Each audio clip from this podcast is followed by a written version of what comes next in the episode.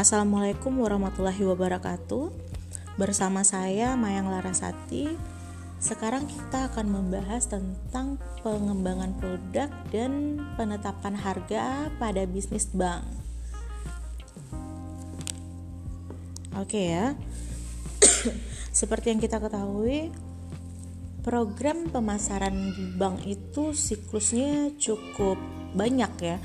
Mulai dari pemahaman tentang perilaku konsumen, kemudian segmentasi pasarnya, lalu diimplementasikan lagi ke dalam marketing mix. Nah, marketing mix ini atau biasa juga disebut dengan bauran pemasaran itu merupakan upaya atau strategi dari perusahaan untuk membujuk konsumen.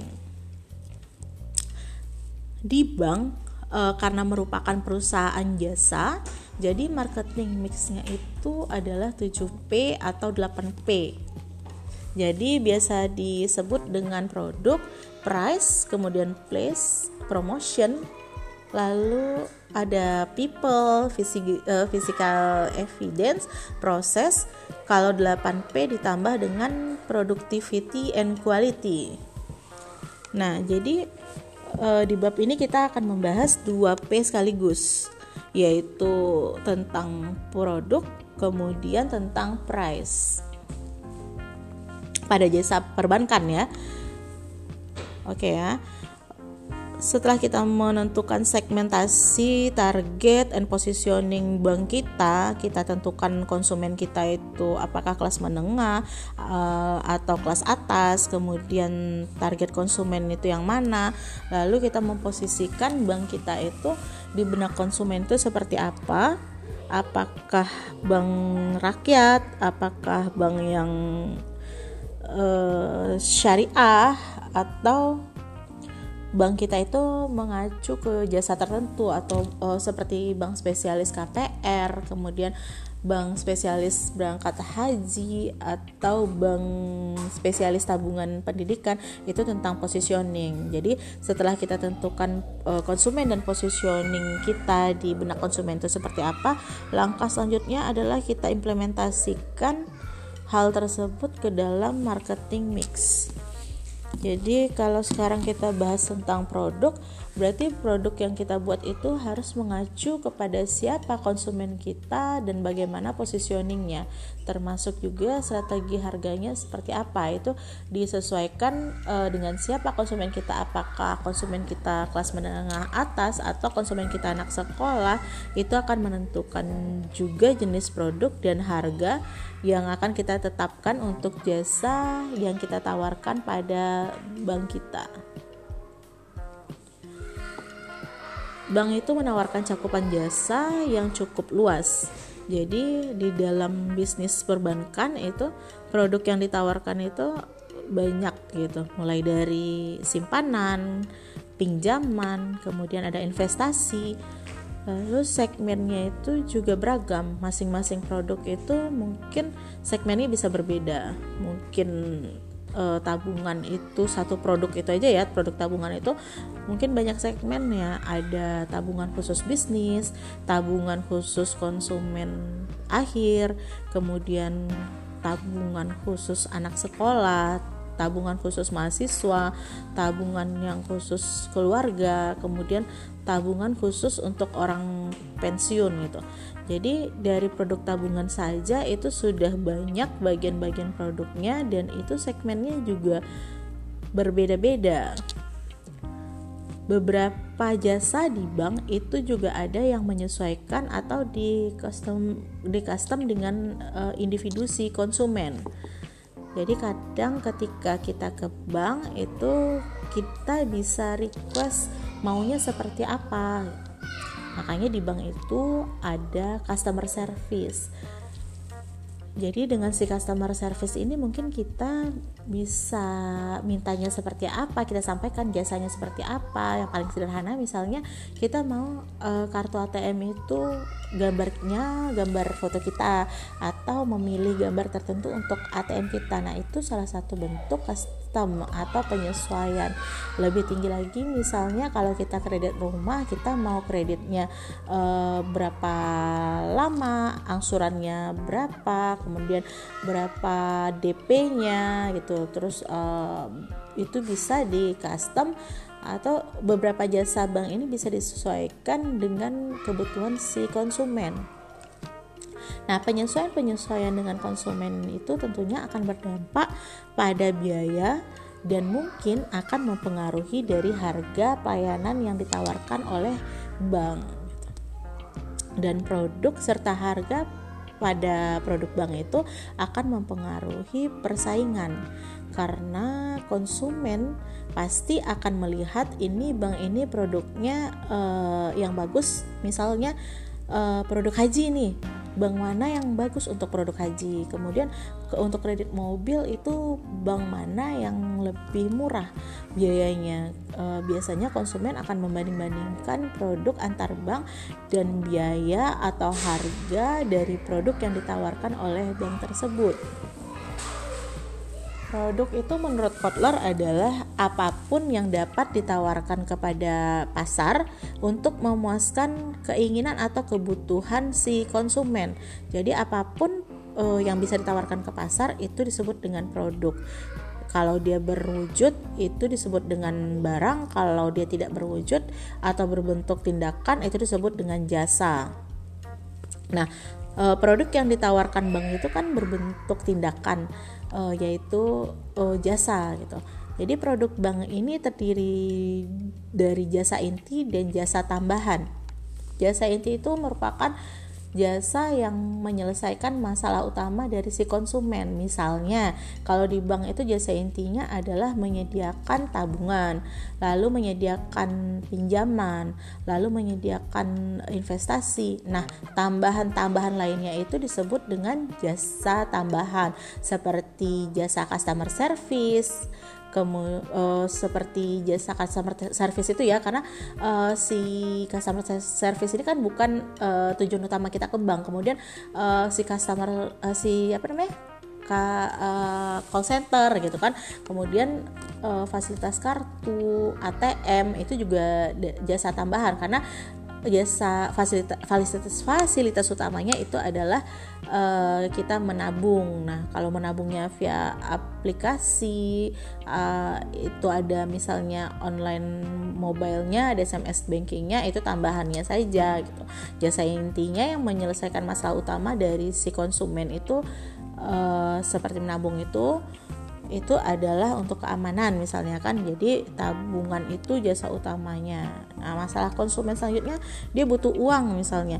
Nah pinjaman itu adalah jasa utamanya jasa intinya. Jadi elemen-elemen lain eh, yang menambah nilai dari jasa itu di lingkaran jasa inti itu disebut dengan jasa tambahan. Mulai dari call centernya kemudian mulai dari customer service-nya mulai dari jasa tellernya mulai dari satpam untuk melayani kita termasuk jasa ATM aplikasi-aplikasi yang ditawarkan. Nah itu semua itu jasa tambahan. Oke ya paham ya Produk yang ditawarkan bank ini mulai dari tabungan, pinjaman hingga investasi.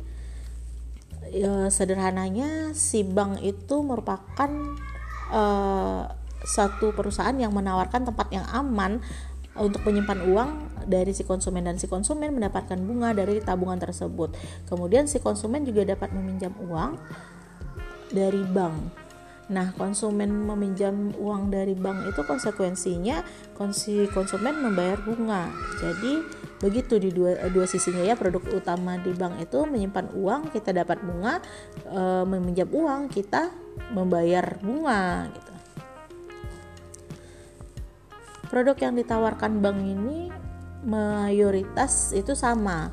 Jadi kalau kita lihat banyak bank di dunia ini di Indonesia ini misalnya rata-rata produk yang ditawarkan itu sama, menawarkan tabungan, menawarkan pinjaman, menawarkan investasi sehingga agak sulit bagi antar bank untuk menerapkan diferensiasi produknya karena produknya semuanya hampir sama. Produk bank itu dasarnya adalah jasa. Karena itu, kepuasan konsumen itu akan sangat dipengaruhi oleh oleh performa jasa atau performa pelayanan yang diberikan oleh bank ini. Gitu. Karena produknya intinya adalah sebuah jasa.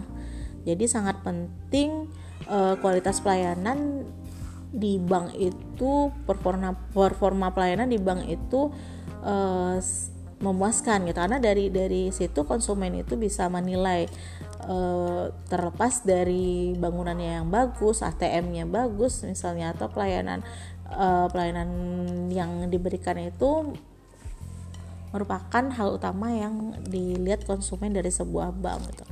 Jadi bank merupakan bisnis keamanan di bidang uang, lalu ada akses akan dana tersebut, kemudian uh, kita bisa transfer, kita juga memanfaatkan waktu.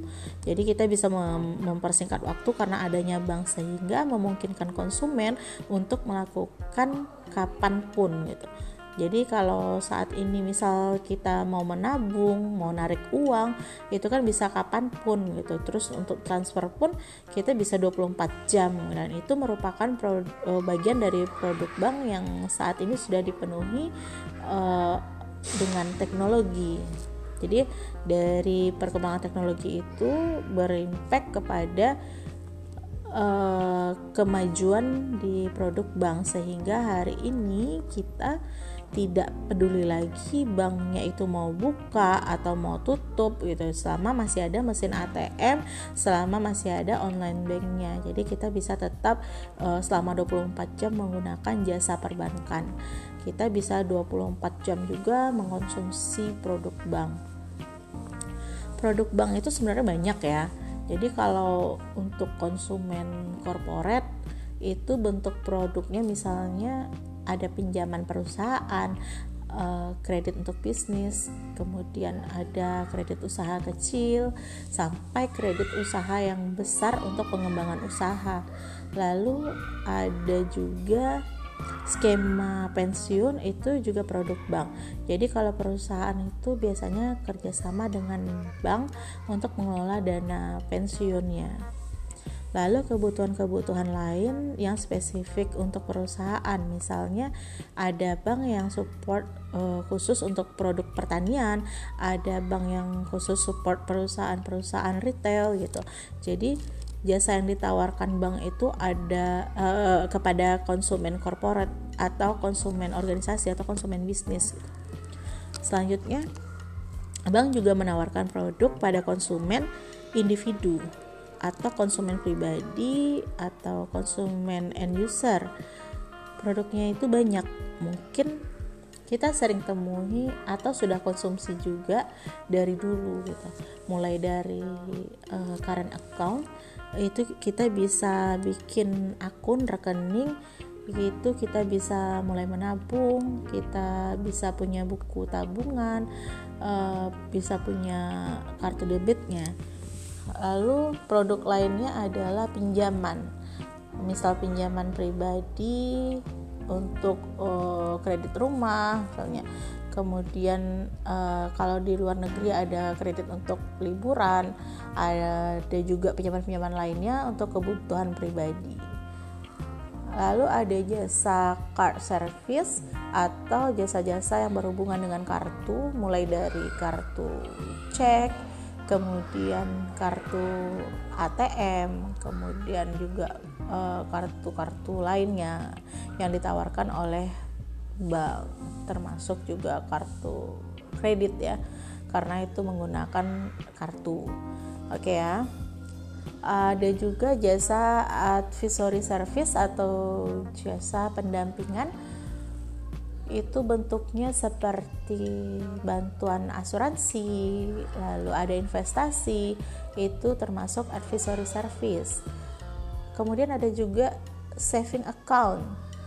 saving account itu ada deposit accountnya, ada capital investment account, uh, money market deposit itu bersifat pinjaman yang bisa uh, diberlakukan dalam jangka panjang. Misal kita mau investasi di deposito dan pinjaman-pinjaman lainnya dan tabungan lain ya. Kemudian ada jasa save and borrow. Uh -uh. Itu menabung juga sekaligus meminjam. Nah ini misalnya kalau di Indonesia contohnya itu tabungan haji. Jadi tabungan haji itu judulnya tabungan karena kita menabung tapi sebenarnya di awal kita meminjam. Minjam uang dari bank karena bank harus membeli kuota haji kita dengan biaya yang lengkap gitu. Jadi istilahnya kita meminjam tapi kita juga menabung. Makanya namanya tabungan haji itu jasa save and borrow. Lalu jasa spesialis site itu jasa travel misalnya kemudian lalu ada jasa biaya sekolah ada itu contohnya itu ya transfer biaya kuliah melalui bank Nah, itu berbagai jenis produk yang ditawarkan oleh bank. Dalam perkembangannya, banyak upaya yang dilakukan oleh bank untuk mengembangkan produknya. Ide tentang produk baru itu selalu dicari. Nah, sumber ide itu bisa dua, itu dari internal dan dari eksternal. Dari internal itu bank bisa melakukan penelitian internal, uh, ada research and developmentnya. Kemudian uh, itu adalah bagian yang mengerjakan riset ya dalam bank. Kemudian kemudian ada lagi ada marketing departemen karena mereka memasarkan produk, mungkin mereka akan bertemu ide-ide tertentu uh, tentang pengembangan produk bank bisa juga dari experience uh, company eksekutif kemudian uh, kemudian bisa juga dari employee employee suggestion gitu. Nah sumber lainnya adalah sumber eksternal itu sumber dari uh, konsumen. Bisa dari melihat uh, masalah konsumen terus kemudian diselesaikan oleh bank. Selanjutnya uh, si itu si bank itu melihat uh, kendala konsumen ini seperti ini, kemudian dia memunculkan ide membuat produk bank seperti ini atau bisa juga uh, ide eksternal dari perusahaan lain lalu bisa dari ide pemerintah atau anjuran pemerintah kemudian bisa juga dari akademisi dari hasil penelitian di berbagai lembaga pendidikan gitu kan ada universitas ada beberapa strategi pengembangan produk. Jenis yang pertama itu adalah ekspansi. Nah, ekspansi ini prinsipnya bank itu menambah produk dalam lingkup jasa bank. Jadi nambah produk tapi masih dalam lingkup jasa banknya. Misalnya nambah produknya bikin kartu kredit, bikin kartu debit, kemudian ada jasa pinjaman uang sekolah misalnya.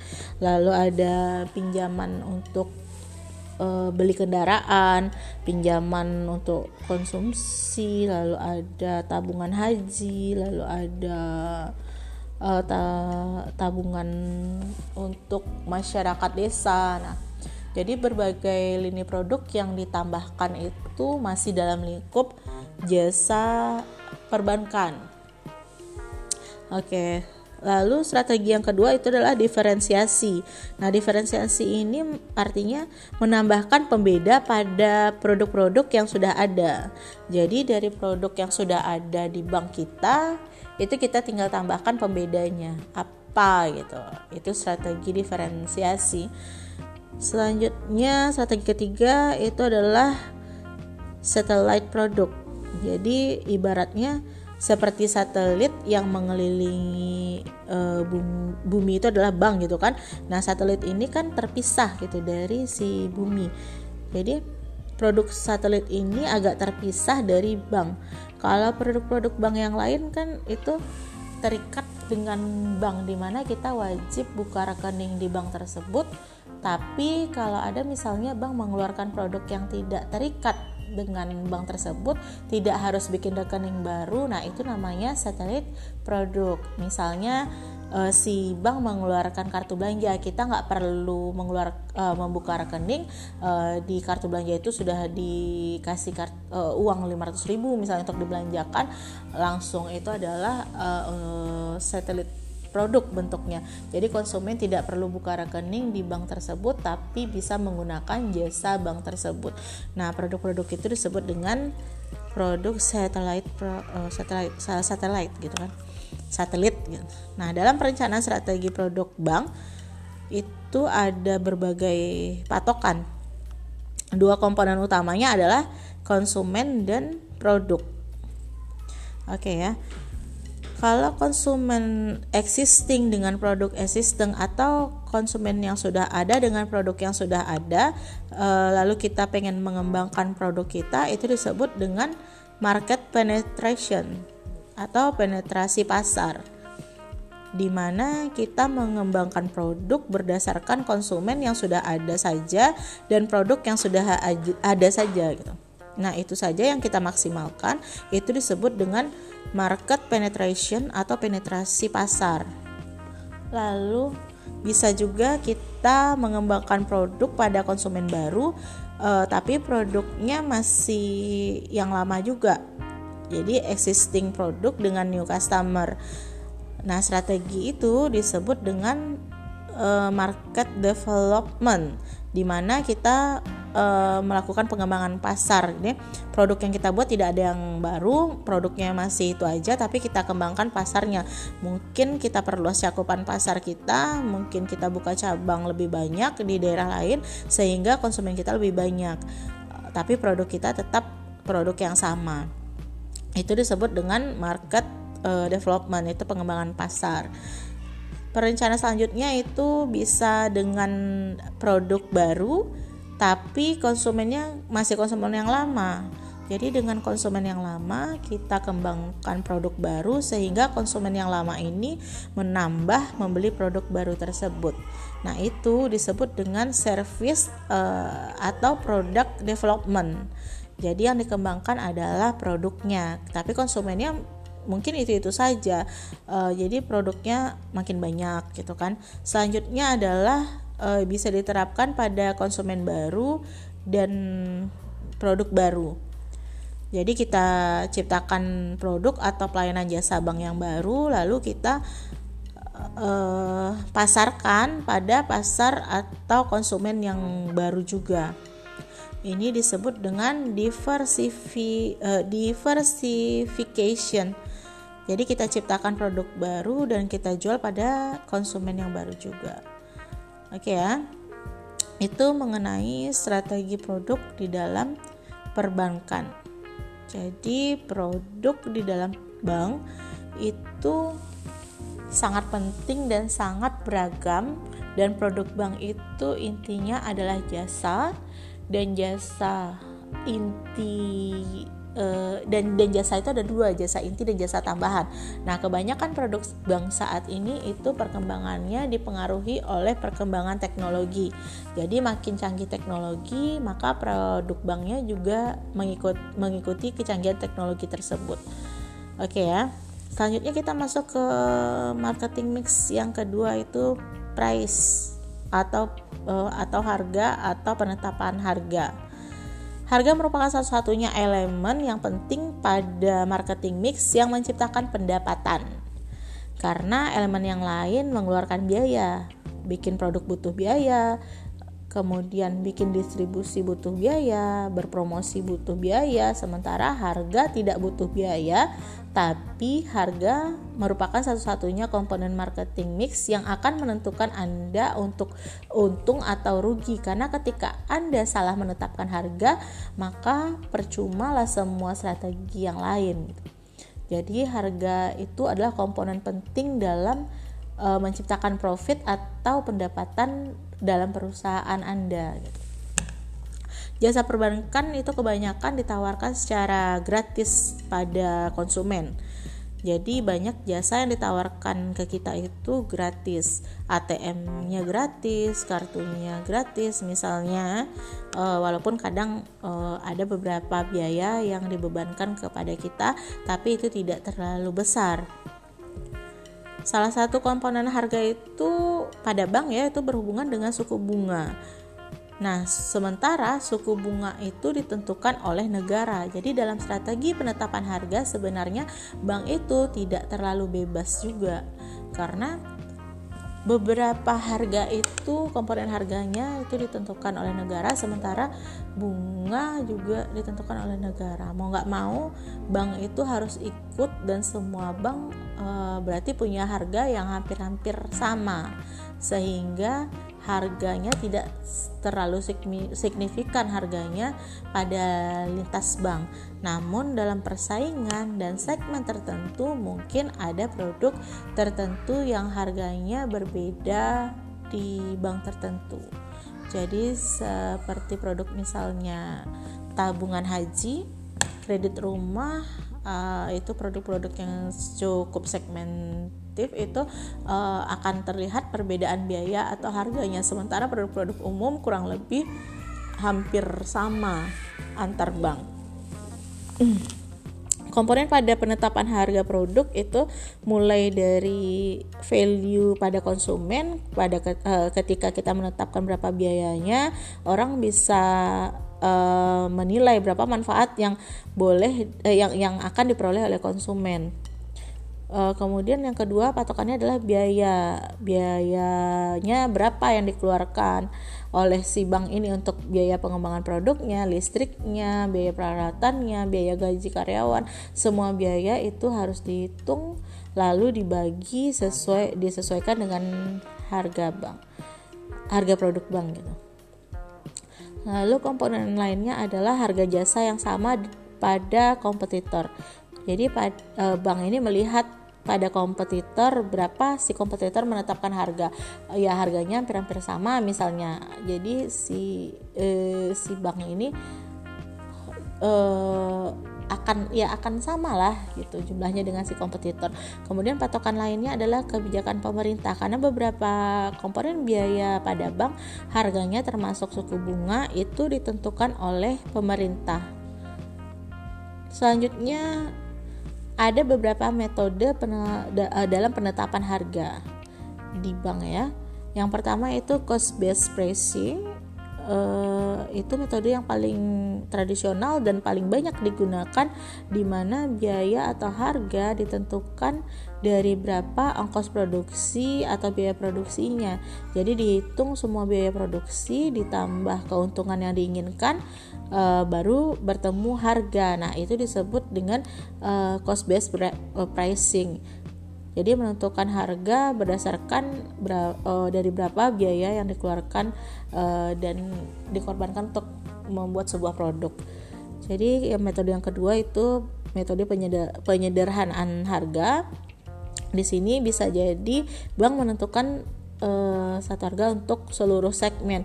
Misal ada kelas kelas mahasiswa, uh, pelajar, perusahaan, lalu bank itu menentukan harga yang sama untuk semuanya. Itu disebut penyeder, penyederhanaan harga.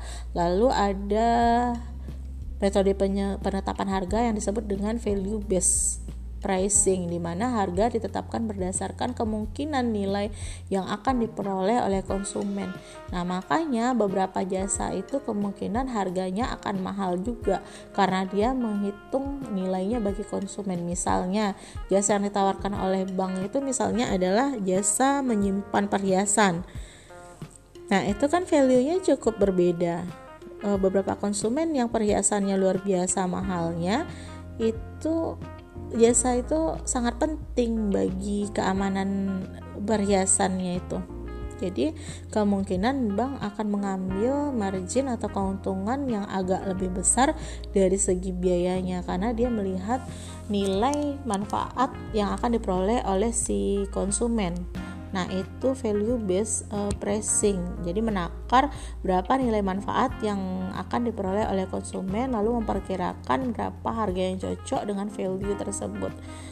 Metode penetapan harga yang lain adalah competition based pricing. Di metode ini kita menetapkan harga berdasarkan kompetitor yang lain. Itu menetapkan harga berapa, bunganya berapa, biayanya berapa, itu kita tiru kompetitor yang lain. Kenapa bisa keluar metode ini? Karena menetapkan harga di jasa itu cukup sulit mengukur biaya jasa itu susah beda dengan uh, ketika anda menakar biaya sebuah barang itu bisa misalnya anda menjual baju nah anda tinggal hitung berapa harga kainnya uh, kemudian berapa harga benangnya berapa upah jahitnya lalu ketemu harga untuk satu helai baju tapi kalau di jasa itu sulit untuk menetapkan harganya. Bagaimana kita e, menentukan harga jasa dari sebuah pelayanan di bank? Karena komponennya sangat complicated.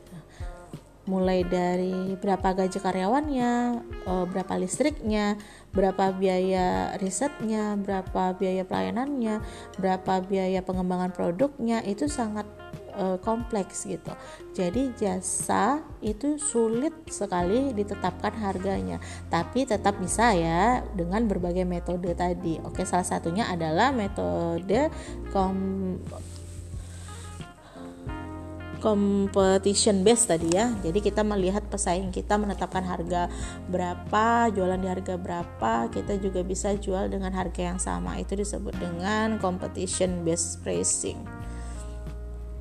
Nah, tujuan dari penetapan harga adalah mencari untung. Jadi salah menetapkan harga ya nggak untung. Jadi kegagalan menghitung biaya itu akan menyebabkan kerugian. Jadi tujuan dari penetapan harga pastinya untuk memaksimalkan keuntungan, lalu meningkatkan pengembalian investasi, eh, lalu untuk memperoleh konsumen. Jadi harga itu akan mempengaruhi keputusan konsumen. Jadi tujuan penetapan harga selain mencari untung juga untuk mempengaruhi konsumen sehingga akhirnya memilih untuk mengonsumsi jasa kita, memilih untuk menjadi konsumen kita. Oke ya. Uh, terima kasih, semoga menjadi ilmu yang bermanfaat. Wabillahi taufiq wal hidayah. Wassalamualaikum warahmatullahi wabarakatuh. Thank you.